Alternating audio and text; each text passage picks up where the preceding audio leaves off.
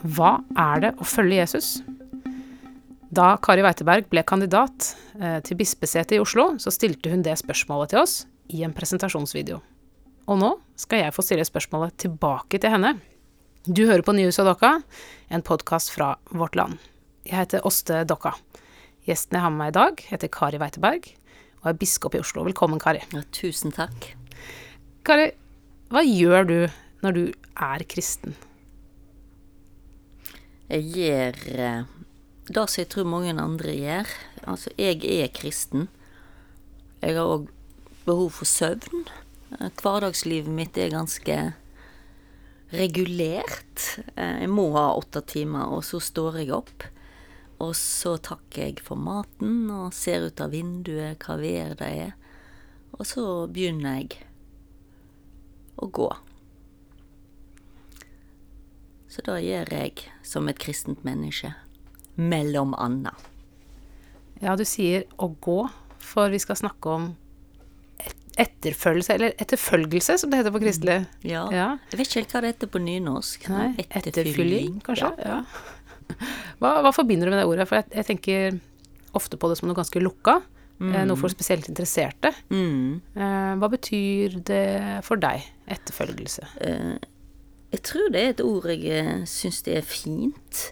Kanskje fordi jeg har jobba som gateprest i mange år. Men jeg tror, eh, jeg tror jeg har likt det alltid. Det å gå, og det å følge etter. Og jeg kommer fra Stord, og da sa vi ofte 'Hvem går du etter?' Går du etter noen? Hva betyr det?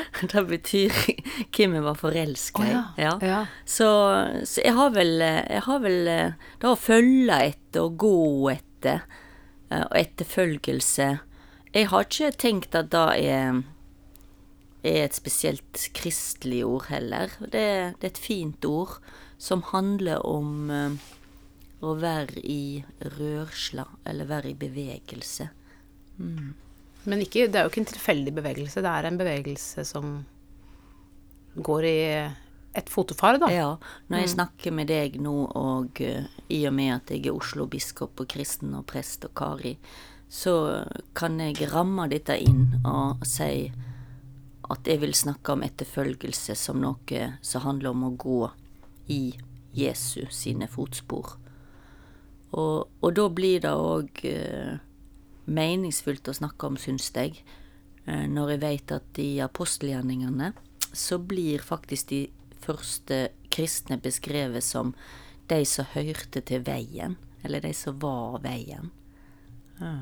Det er mye å snakke om her. Og Lukasevangeliet, som er en av mine favorittevangelium, så er, er, er veien, altså sånn midt i der, så er det Så vendte Jesus ansiktet mot Jerusalem, og så begynte han å gå den lange reiseskildringa der. Mm. Så det er mye som har ei retning. Livet mitt har forhåpentligvis ei retning. Det å, det å leve har ei retning. Og det å følge etter betyr da å Ja, å følge etter noen. Og mm, jeg har lest uh, om uh, forskjellen mellom imitatio og vocatio. Og for å oversette det til eh, vanlig språk, så er jo det Imitatio er jo da å prøve å etterligne Kristus, mens vocatio er å være kalt. At jeg trenger ikke nødvendigvis være det samme som Jesus gjorde. Jesus var Jesus, liksom. Jesus Også- var Jesus. Ja. Mm. Og det er ikke alle som skal dø på et kors. Nei. Eh, men det er kanskje noe vi skal gjøre likevel. Og det er kanskje det som er kallet. Ja, det er spennende spørsmål. Eh, av en eller annen grunn så, så har jeg alltid kasta meg sjøl tilbake til begynnelsen av alle evangelium. Altså det, det er mange som liksom blir veldig Hekter seg veldig i det siste som skjedde med Jesus. Han døde og oppsto for meg. Eh, men så tenker jeg kanskje at en går glipp av en, en stor del, hvis ikke en da hopper tilbake til start, på en måte. Og hva skjer Og- på starten? Nei, det som skjer på starten, det er jo allerede tidlig i Markusevangeliet, som er- som er det eldste. Det er jo Og så står Jesus fram og sier 'Her er jeg'. Jeg vet ikke om han sa akkurat det, men han sier 'Guds rike er kommet nær'. Kom, følg meg. Og så begynner den følginga. Og uh, i Lukasevangeliet så skjer det jo litt sånn pangstart. Da må vi helt til, til kapittel fire, men da, da står, går jo Jesus inn i gudshuset som han er, er vokst opp i. Eller det var i hvert fall folk der som kjente foreldrene hans. Og så tar han opp en rull, og så leser han ifra Jesaja, og så sier han i dag, når jeg leser dette, er dette oppfylt. Og så begynner han å gå. Ja, og, det, det samme skjer vel òg ja, i Matteusevangeliet. Nå kommer ikke jeg akkurat på. Der, de, den er så veldig kraftfullt sånn redigert med alle disse talene. Mm. Men ganske tidlig i Johannesevangeliet, etter Logos, ørn og så flyr, så er jo liksom Se, der er Guds land. Ja, så mm. begynner de liksom å gå.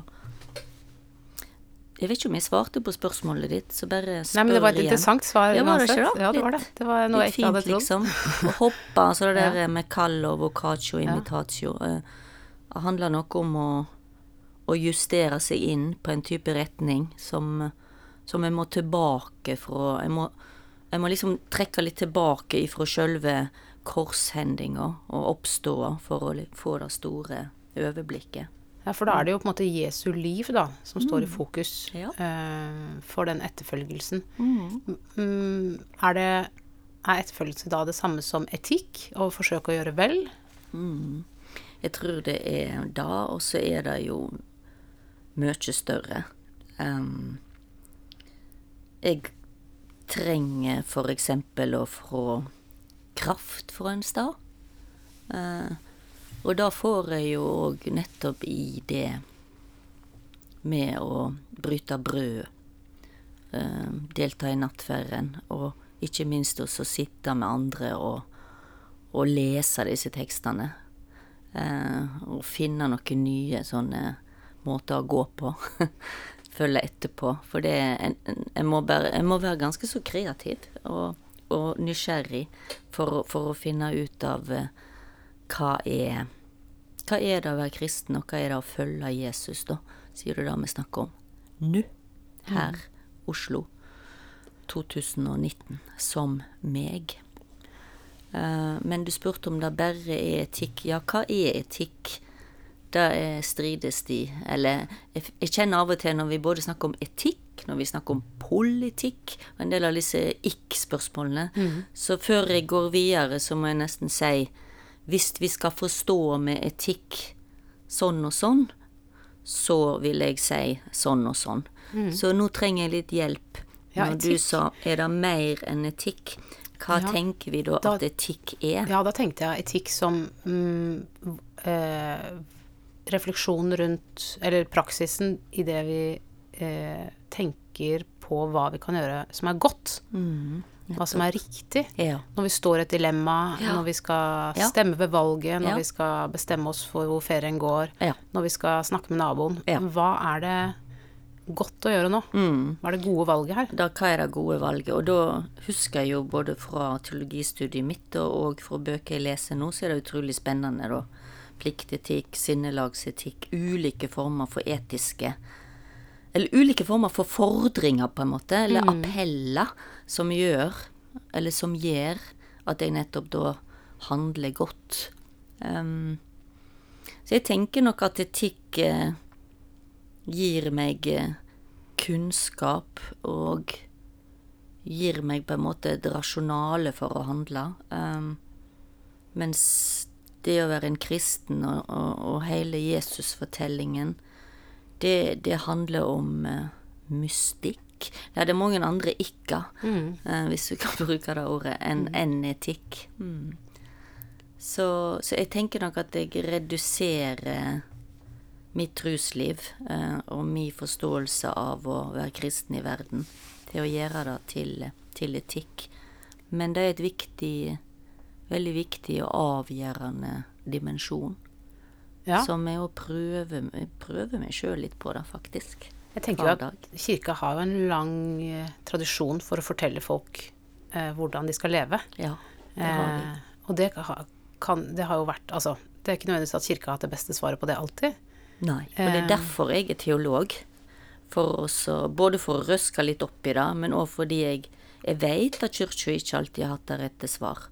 Og jeg vet at kyrkja kanskje ofte òg har vært litt for seint ute på banen. Eksempel sånne opplagte ting som slaveri Ja. og apartheid. Ho, ho. Det er fæle greier. Men når vi går i kirka i dag og eh, ja, deltar i det som skjer i gudstjenesten, men også hører eh, prestens ord i prekenen eh, Når det blir, de gangene det blir en sånn oppfordring om å Nå skal vi alle sammen eh, resirkulere, eller vi skal tenke litt på de som ikke har så mye som oss, eller Ja.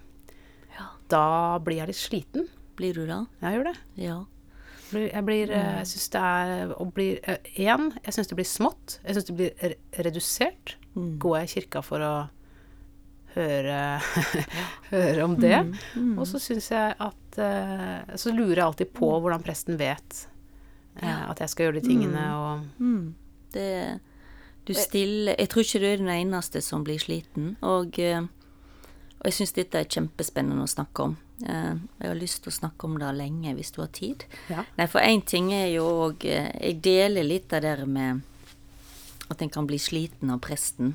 Eh, Men da allikevel så vil jeg berømme og synes det er helt ok at presten gjør det. Fordi eh, en preike er ei preik. Det er ett menneske som eh, bruk, bruker forhåpentligvis all sin kløkt og sin, eh, sin teologiske viten om hvordan skal jeg fortolke det som eh, er dagens eh, tekst fra Bibelen.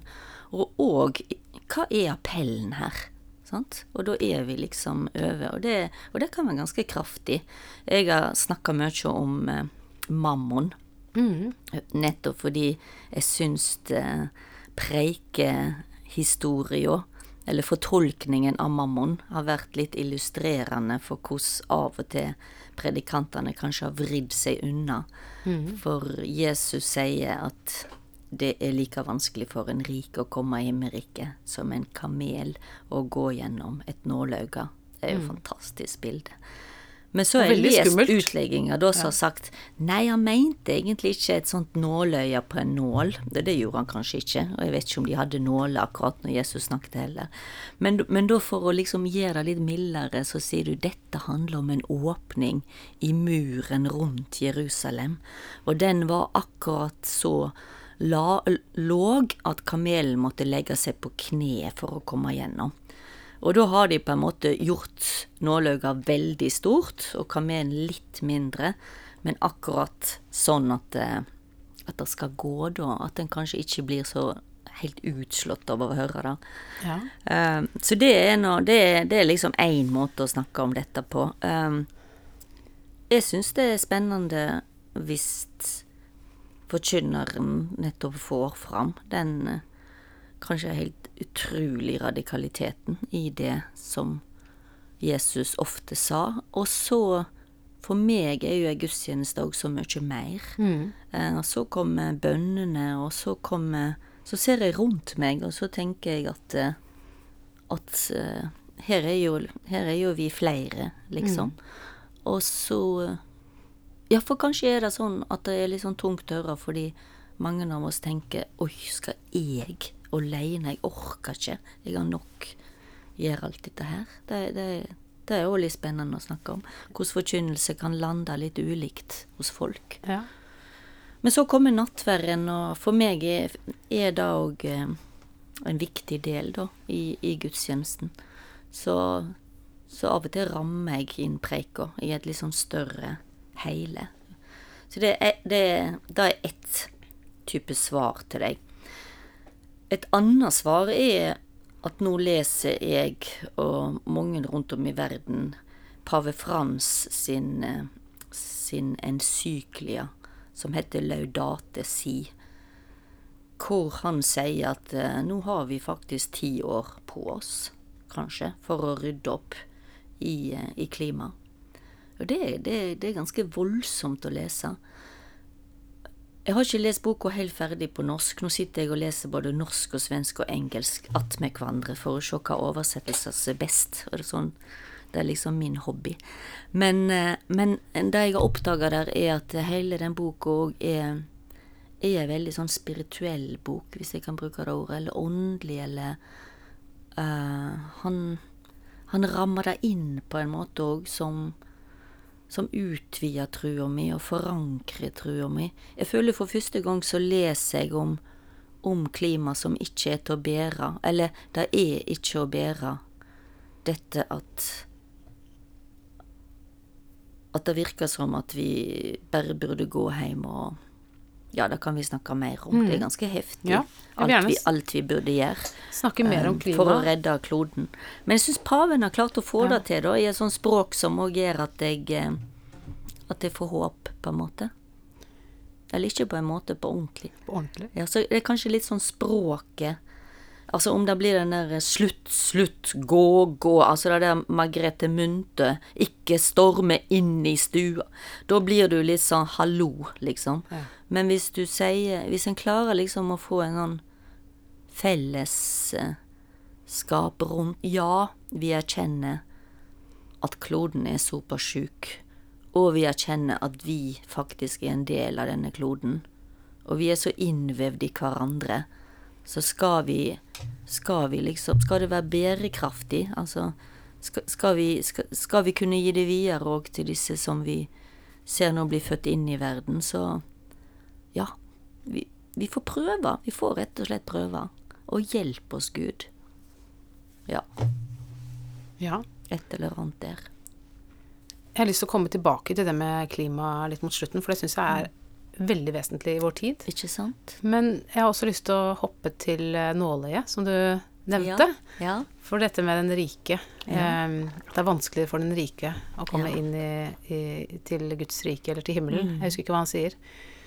En, for kamelen å komme inn i nåløyet. Og da, og da det syns jeg alltid er interessant å se etter hvem er aktøren når vi snakker. Ja, det er den rike som er aktøren. Det Mm. Er kamelen som er aktøren. Mm. Den som skal gjøre noe, er den rike. Og vi er, vi er jo rike. Altså, Norge er rikt. Ja. Eh, I Norge er jeg rik. Eh, jeg har råd til alt jeg trenger. Eh, og jeg Det er vanskeligere for meg å komme inn i Guds rike. Eh, jeg må gjøre et eller annet. ja. Det er noe jeg skal gjøre. Eh, og en, altså, en kamel kan jo ikke komme gjennom et nåløye. Hvis vi skal snakke helt konkret om den metaforen. han kan i grunnen ikke Det- Da. Jeg syns vi skal Ja. snakke konkret. Vi Ja. skal også snakke konkret om surdeig. Ja, ikke om sant? damer som leter etter mynter. Det er fryktelig konkret. Ja, Vi skal snakke konkret om etterfølgelse. Det er å gå, punktum. Gå etter. Tilbake til Ja. deg. Gå Ja. etter, ja. Men, men, eh, men da eh, For jeg tenker dette med å gjøre.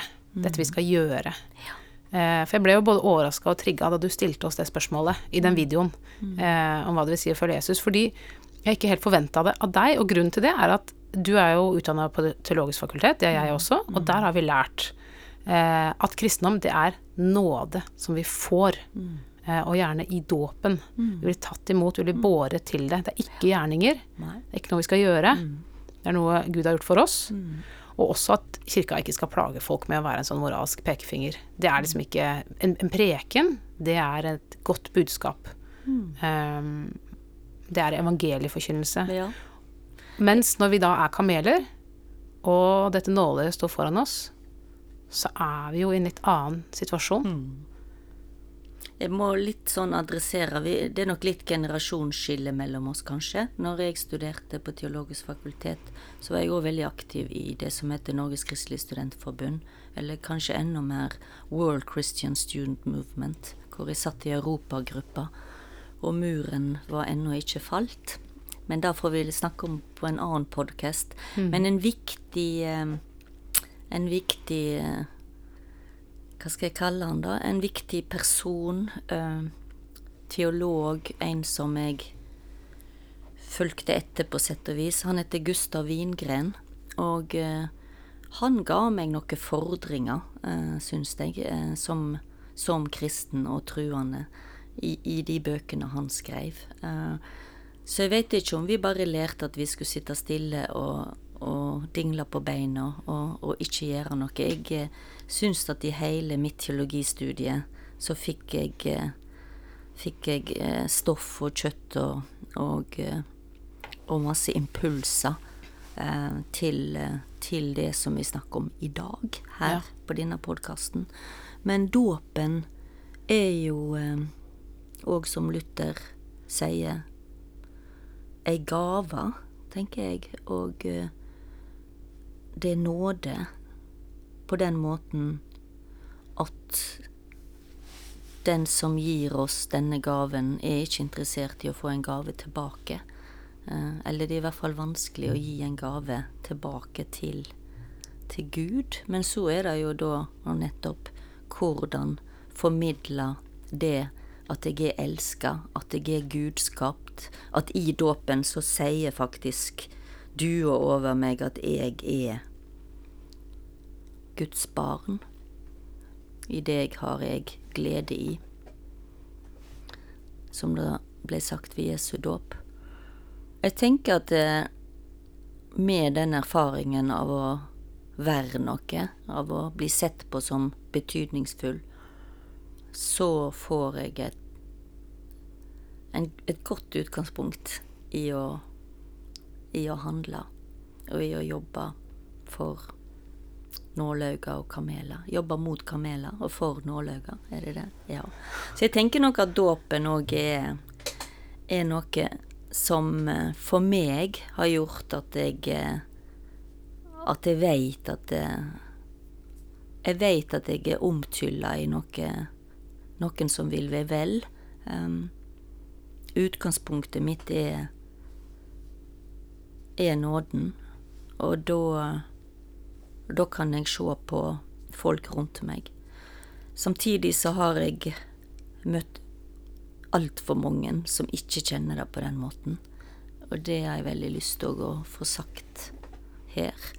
Eh, mange som ikke, samme om en er døpt eller ikke, bare ikke har den erfaringen av av å være elska. Mange som slår opp i Bibelen og i evangeliet og bare leser krav og hardhet. Eh, så da har jeg ofte satt meg ned uh, der jeg har fått muligheten til å gjennomgå tekstene akkurat sånn som du gjorde i stad, som er utrolig viktig. Hvem er det Jesus snakker til? Uh, og hva er situasjonen rundt at nettopp kamel og nålauger eh, ble brukt, og til hvem? Og da oppdager jeg, og med ofte utrolig sånne nyanser eh, Jesus er streng ofte mot eh, disiplene sine, læresveiner som dette på, på mitt språk. Og jeg tenker at i utgangspunktet så var de en del av flokken. Altså de visste de var innafor. De hadde den derre De var gjennom nåløyet. Ja, jeg tror da, eller jeg, jeg tror, Men jeg tror òg at de visste at de var At de, de visste hele tida at Gud var med de. Hvis jeg møter et menneske som ikke aner om Gud vil, er noe som vil en vel eller ikke, så jobber jeg først og fremst med den relasjonen. Ja, for Jesus, Er sier, jo, ja, Jesus Ja. Sier jo veldig forskjellige ting til forskjellige folk. Altså, han, han ber jo noen om å gå hjem. Mm. Eh, han helbreder dem, og så ber han dem om å gå hjem. Og noen ber han om å ikke fortelle videre hva han har Mm. gjort. Noen ber han om å selge alt de eier. Ja. Eh, noen ber han bare om å bryte opp og følge etter. Mm. Og, og noen lar han være der de er, Mm. i familiene sine. Um, så, så den der etterfølgelsen, det er jo Det må jo være ulikt fra menneske til menneske. Jeg er veldig Jeg syns det er veldig meningsfullt òg når vi snakker om etterfølgelse, også ta å ta hele evangeliefortellingen som en lang etterfølgelsesfortelling. For da ser vi jo at Jesus, kanskje spesielt i, i visse evangelium, ber folk ikke om å si noe. Sånn, sånn i begynnelsen. Men, Mens når vi nærmer oss slutten, så skal plutselig alle si noe. Og, og Markusevangeliet som stopper med at, de, at kvinnene sprang og var redde og sa ikke et ord til noen. Og så sitter vi som leser det. Vi sitter jo med dette evangeliet. Så noen må jo ha snakka. Noen må ha røpa det. Så den dobbeltheten hele tiden. Mm. Som er spennende. Men ehm, jeg tenker på disse Det skillet som kan etablere seg. Ehm, du har på den ene sida disse veldig dedikerte som ønsker å gi sitt liv for Jesus, og har full oppmerksomhet retta mot hva nå enn Jesus vil be dem om, på forskjellige måter. Og så har du vanlige folk med vanlige liv som godt kan ha en gudsrelasjon, eller Men som har mange andre bestemmende faktorer i livet sitt for hvordan de handler og hva de gjør, og, og mange andre autoriteter, eh, og mange andre lyster. Um, eh, som, som og, og, og når vi snakker om dette med etterfølgelse, så tenker jeg at det må treffe folk ganske ulikt, da. Mm. Det er ikke de folka som kommer, dåpsfolket, som så vidt har krøka seg over terskelen og sitter der og har døpt barnet sitt. Og så blir du møtt med krav om å krøke seg inn i dette nåløyet. Går det an å snakke godt om hva Jesus ber om oss om å gjøre, når man ikke vet hvem som hører på? Mm, det tror jeg. Uh, jeg tror jo uh,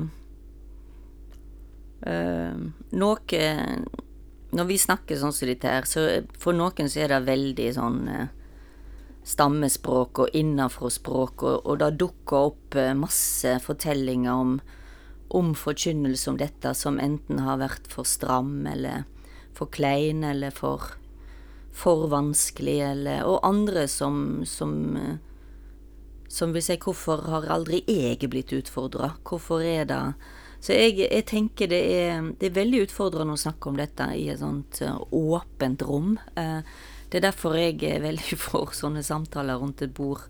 Eh, hvor, vi, hvor jeg kan nyansere litt, eller hvor vi kan nyansere litt. Og, eh, og det er ikke sikkert preikestolen skal brukes til alt. Det, det er kanskje nettopp sånne samtaler om hvordan hvordan hvordan ønsker jeg å leve mitt liv, sånn at mitt liv ikke bare handler om meg, men også faktisk tar, tar eh, ansvar for at det, det fins At jeg har et nabolag, at jeg er del av en verden. Ja, at, at det òg nå eh, Alt som lever og gror i sjøen, har, har, har lyst til å ha en stemme med i laget.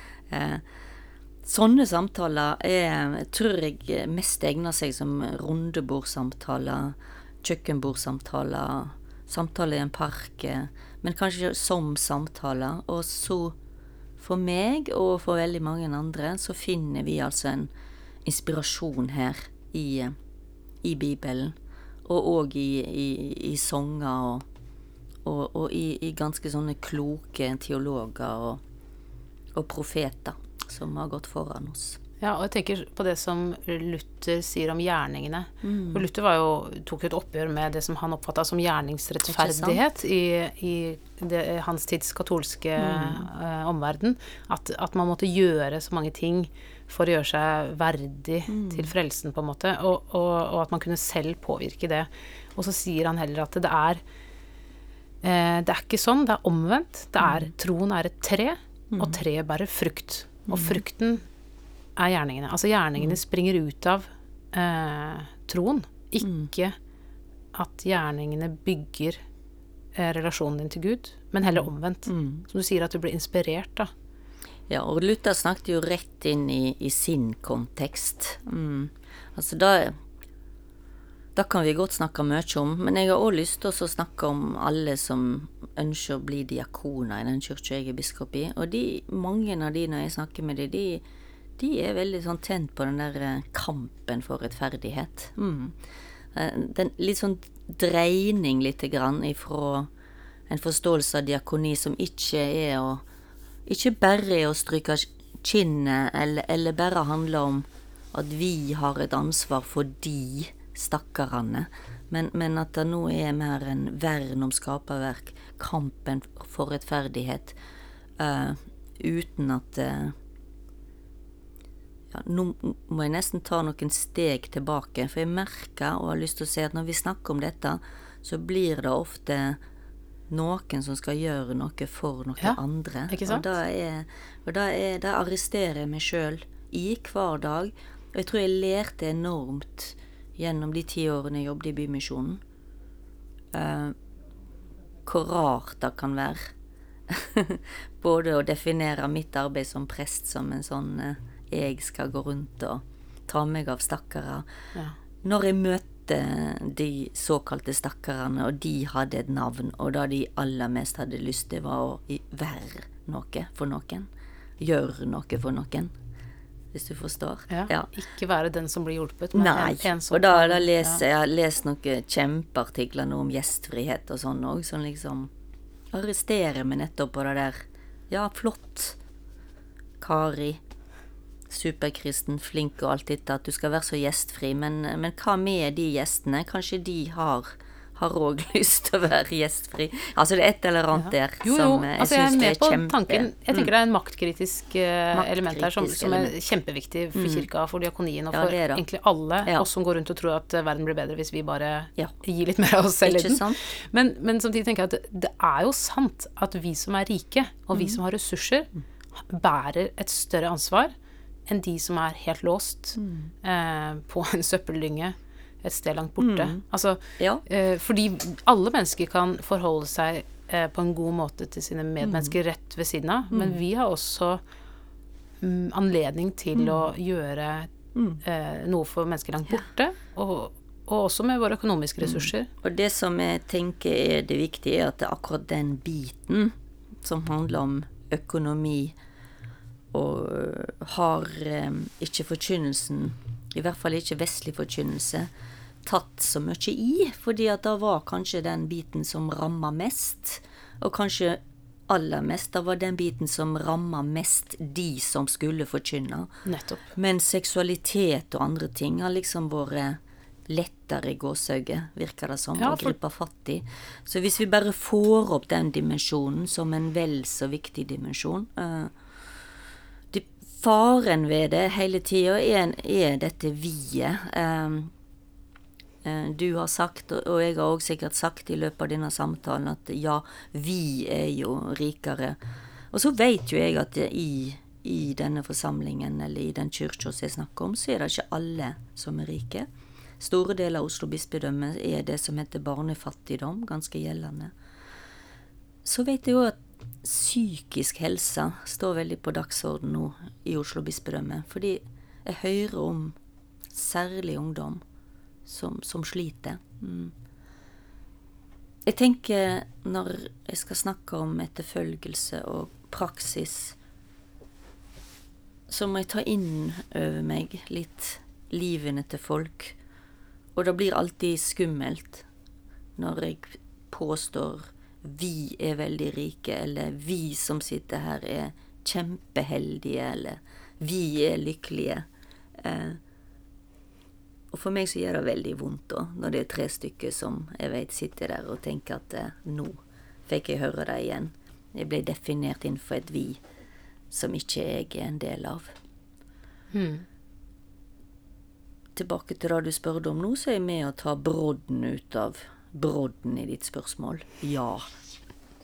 Jeg husker ikke hva jeg spurte om. Du, du ville ha meg til Ja. å kanskje bli enda tydeligere på ja, men vi er jo rike. Ja, eller du og jeg, da. For å være helt konkret. Ja, for å være helt konkret. Mm. Ja. Um, Og da tenker jeg mye på. Og i vår tid så står vi overfor to store kriser. Vi var inne på klima i stad. Og i tillegg så har vi flyktningekrisa. Ja. Og de to møter hverandre også, fordi om kort tid, leste jeg et sted, så vil to milliarder mennesker eh, leve på steder som kommer til å ligge under vann eller være ubeboelige eh, om ikke lang tid. Og de, de må flytte på seg. Ja. Eh, hva skal vi gjøre da? Eh, Hva, altså, hva, hva vil Gud Og, og, og nå snakker jeg om vi. Eh, Hva skal vi mm. i, som ikke blir ramma like direkte? Eh, hva skal vi gjøre med det? Hva, skal, hva vil Gud at vi skal gjøre? Og mange av oss Gud, lever jo en ja, Gud allerede når, når første bladet i vår hellige skrift, altså den hebraiske, hebraiske bibelen.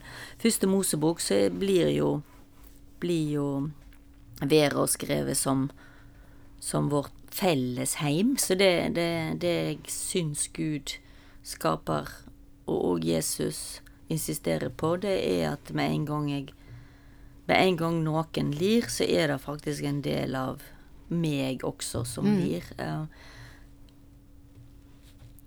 Kyrkja er jo en av verdens største grasrotbevegelse. Så når, når vi Det jeg tenker jeg kan minne mine politikere om, det er måten vi snakker om eh, de andre på. Mm. Om eh, vi sier migranter, nå er det en del som blir omtalt som IS-barna. Mm. de er Jeg vet at mange av disse er barn til Noen av de kan være barn til, til venner av meg. Jeg vet at de som kommer til å bli under vann, de er en del av de som mange av oss har møtt på Kirkens verdensråd. Um, og jeg vet at de som kom inn til Italia Hvis Italia hadde vært snudd om på hodet, så hadde det jo vært hos oss Ja. de kom inn. At det er Jeg tenker noe da vi kan bidra med, er nå hele tida å, in å insistere på anstendighet i måten vi snakker om dette på. Og at det er en del av oss, og at det er tilfeldigheter som gjør at ikke vi er ramma. Og at kanskje ikke alt er krise, men eh, Men det er, det er veldig vanskelig. Jeg leter etter ord, jeg leter etter bilder. Og så prøver jeg også å gå til valg og stemme, Ja. sånn at eh, jeg unngår å, å bli møtt med en del beskrivelser. Så jeg tenker hvis en bare skifter ut noen av ordene der, så kan vi se at eh, sånn snakker vi bare ikke om folk. Eller sånn tenker vi ikke om folk. Og jeg tror at eh, menneskeverdet, sånn som vi Ja. er vant med å snakke om det Ja. eh, i vår kultur nå, Ja. det må bli Det kommer til å bli under mye sterkere press i de åra som kommer. Ja. Fordi når vi skal forholde oss til Altså en ting er skal vi ta imot 1000 eller 10 000 Mm. kvoteflyktninger, men hva skal vi gjøre med de milliardene av menneskene som er mennesker? Som Mm. er barn og voksne og gamle, som har et navn, eh, som ikke har noe sted å gjøre av seg. Mm. Det, det jeg, jeg bare er redd for hva som kommer til å skje med måten vi snakker om mennesker på Du er det, ja. eh, i de åra som kommer, da. Ja. Og om vi, om vi tåler å forholde oss til den lidelsen som kommer til å Som allerede er i ferd med å skje, og som ja.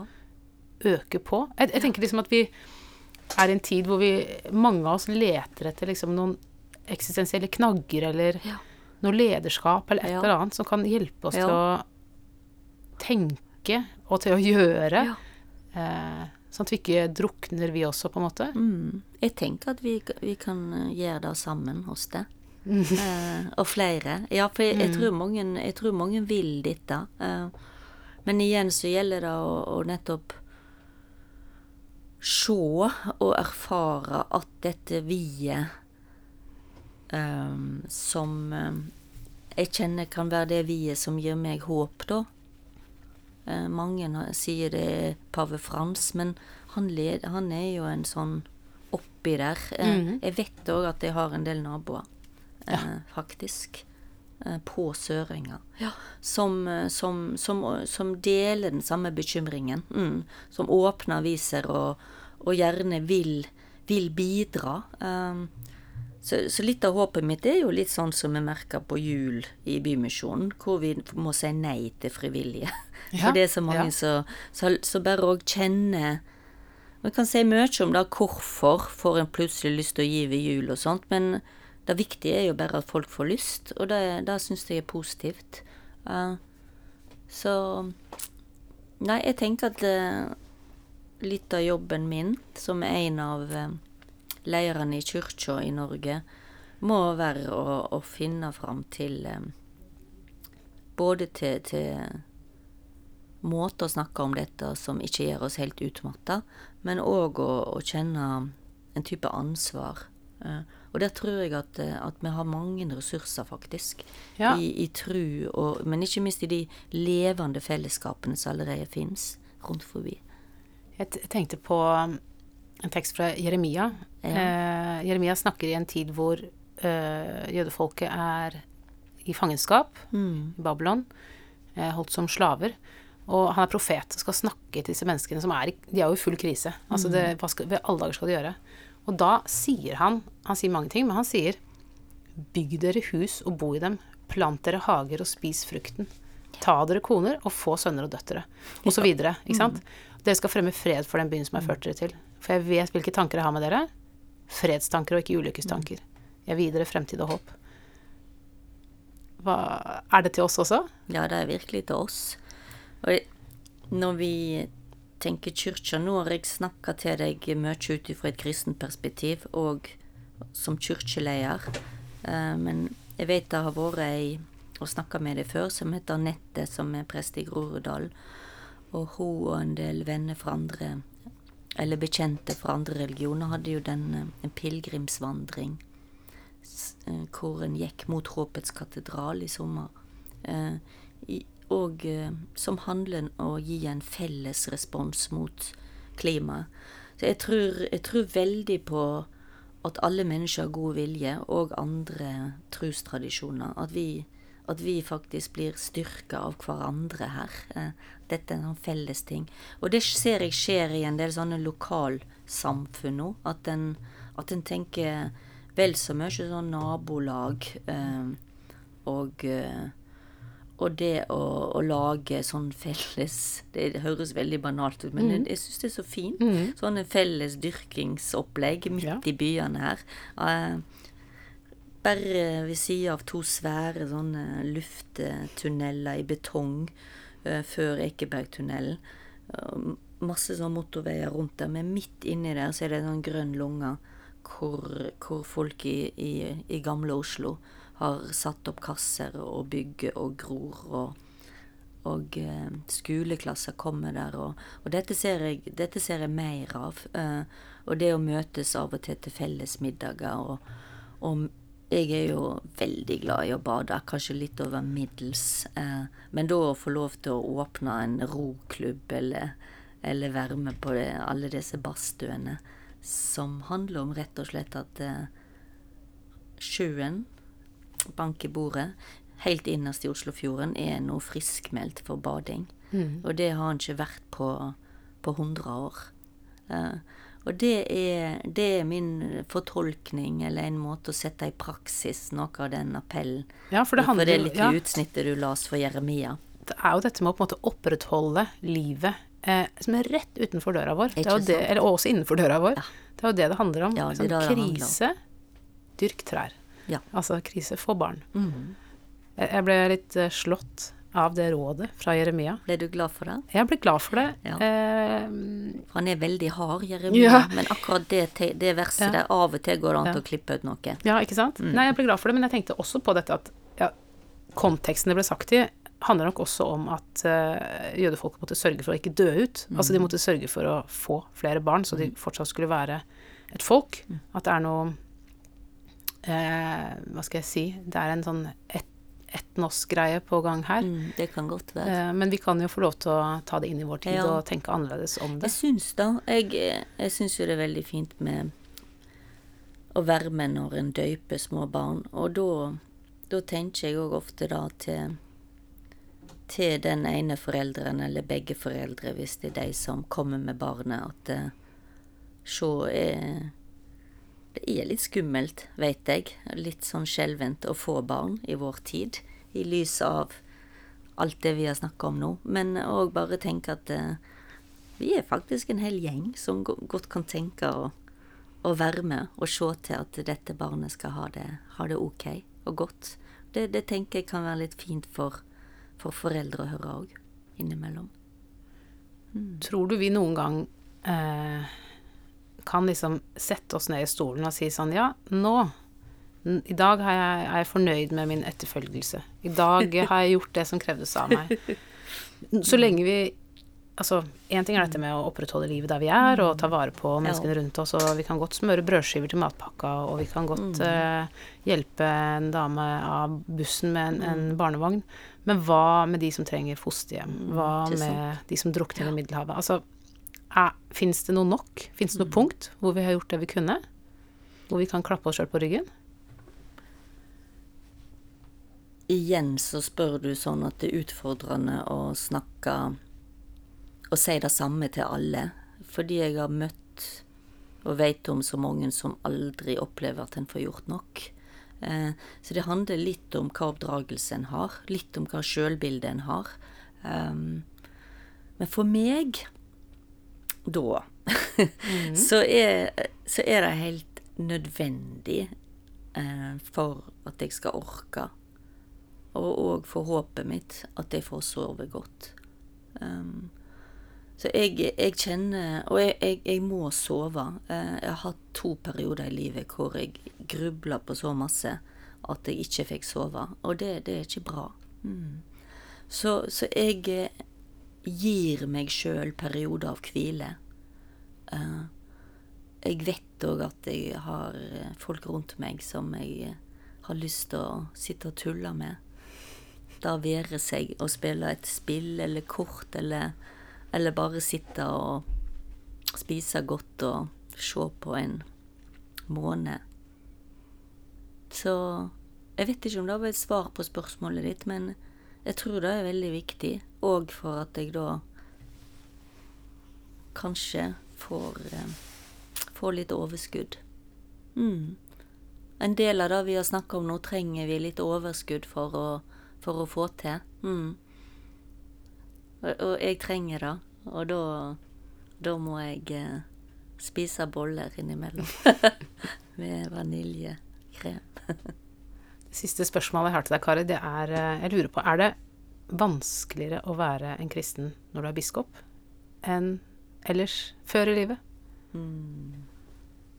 Eller å følge Jesus, eller hva vi skal si. Mm. Den som har fått mye. Ikke sant? Mm. Mm. Jeg var glad at jeg var At jeg ble biskop eh, som 56-åring, og ikke som eh, 36-åring eller 46-åring. Eh, så jeg kjenner nok at eh, At eh, jeg kom inn som Oslo-biskop med et ganske levd liv. Ja, og mange erfaringer, både på godt og vondt, av, av mye av det vi snakker om. At jeg har hatt veldig god veiledning på grensesetting, eh, eksempel. Eh, ehm, så, så jeg syns det er Nei, jeg, jeg tror nok at eh, i og med at jeg jobber har som jobb å fundere litt over disse tingene òg, så, så, så, så kjenner jeg òg at jeg har som Så kjenner jeg òg at jeg oppdager både Gud og, og nåde, da. Rett som det er. Nei, så jeg eh, Jeg tror det er omtrent like komplisert og ukomplisert å være meg nå som det var for tre år siden. Kari, tusen takk for at du ville komme hit. Produsent har vært Sondre Bjørdal.